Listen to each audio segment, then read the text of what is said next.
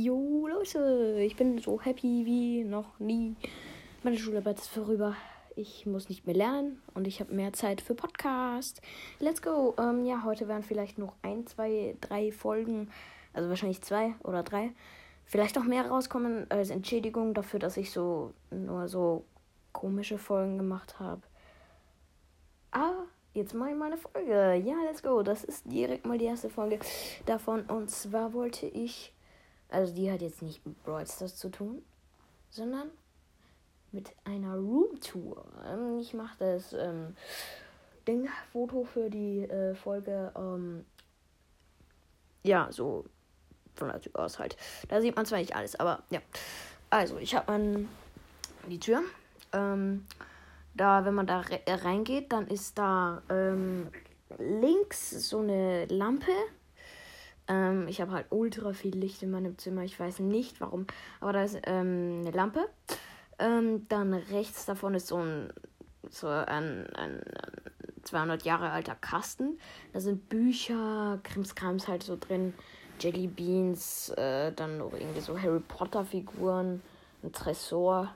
Ja, so ein drei Fragezeichen Tresor halt. Ähm, ja, dann sind da noch Weltrekorde-Bücher. Habe ich jetzt eigentlich seit 2020 nicht mehr, also 21, 22 habe ich nicht mehr. Aber dafür habe ich 2002, also ab 2002 bis 2019 habe ich alle. Das ist eigentlich ziemlich krass. Ähm, dann steht daneben, gleich daneben noch einmal mein Gewandkasten. Da liegt noch eine Dartscheibe aus der Volksschule, so ein Bastelprojekt, was ich mit meiner Klasse gemacht habe. Also ich war halt so,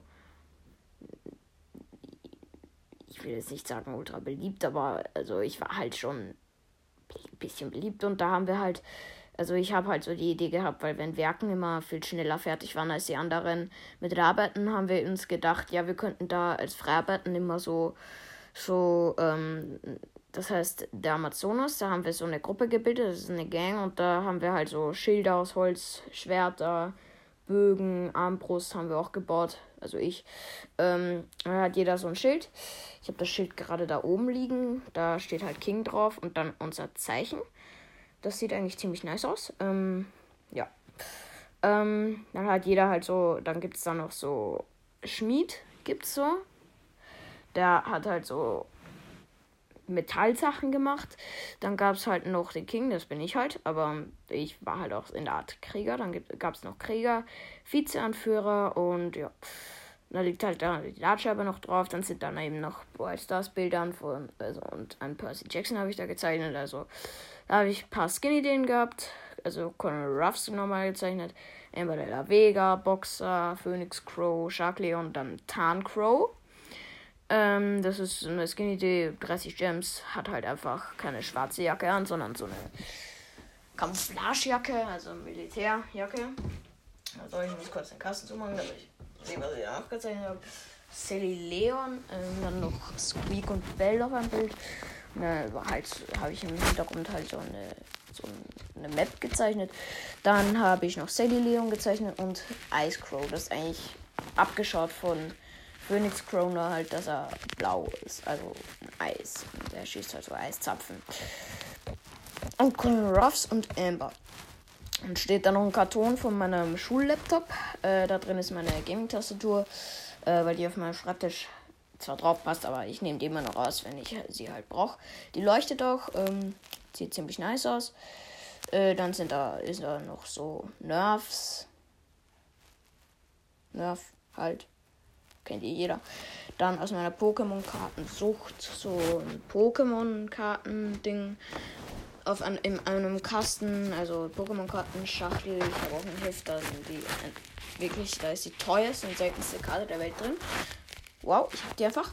Ähm, dann habe ich da noch, äh, oben steht da noch eine riesen Bluetooth-Box, meine drei größten Pokale, die halt nicht in irgendein Kastel reinpassen.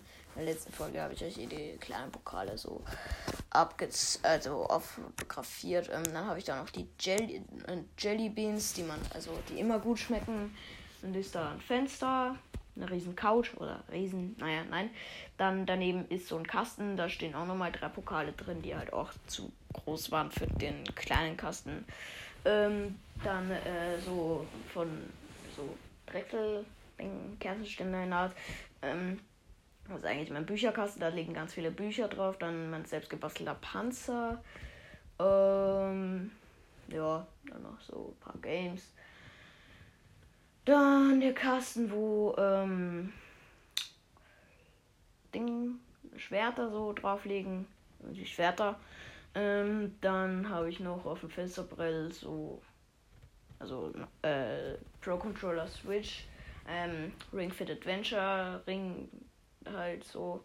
Oh, ich schnell weg. Also, äh, nee, egal.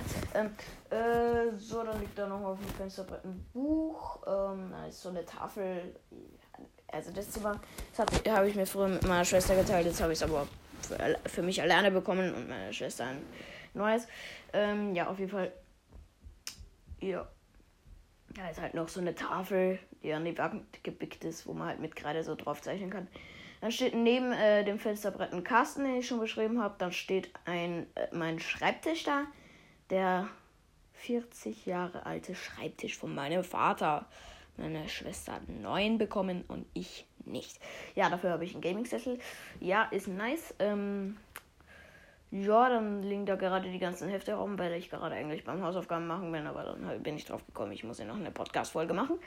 Ähm, dann ist dann noch so so eine Wand, wo ich halt das alles, also so Google Play Gutscheine drauf klatschen kann. Ich habe zwar ein iPhone, aber habe trotzdem Google Play Gutscheine, weil ich es auf meinem iPhone nicht einlösen kann, sondern nur auf dem Tablet und das ist Samsung. So, lange Erklärung. Dann kleben da Bilder von meiner Schwester, die sie mir geschenkt hat. Dann, wie ich ähm, ungefähr acht Jahre alt war, war ich, wer, das ist, ist so eine YouTuber-Gruppe, die Perfect heißt die, macht immer so Trickshots. Ich schaue jetzt nicht mehr viel, aber ich mache halt noch schon so Trickshots. Zumindest mache ich das. Äh, da habe ich das Zeichen mit so Bügel, was für Bügelperlen? So Aquaperlen nachgebaut von meiner Schwester. Ähm, dann, ja, dann ist mein Bett da, Hochbett, ja, habe ich mir ausgesucht als Hochbett, weil kann ich halt drunter noch was draufstellen. Und ja, ganz praktisch. Ähm, also drunter, dann steht da noch so ein ultra teurer Sessel. Also so ein Chill-Sessel. Ähm, dann noch ein Kasten, wo halt 5 Milliarden Switch-Spiele drin liegen. Ich habe so viele Switch-Spiele, dann liegt da noch mein Ring drin. Äh, liegen da noch Tischtennisschläger. Mein Tennisschläger ist daneben. Liegen da noch Bücher drauf, die ich schon gelesen habe. Ähm, ja. Ja, das war jetzt eigentlich mein Zimmer.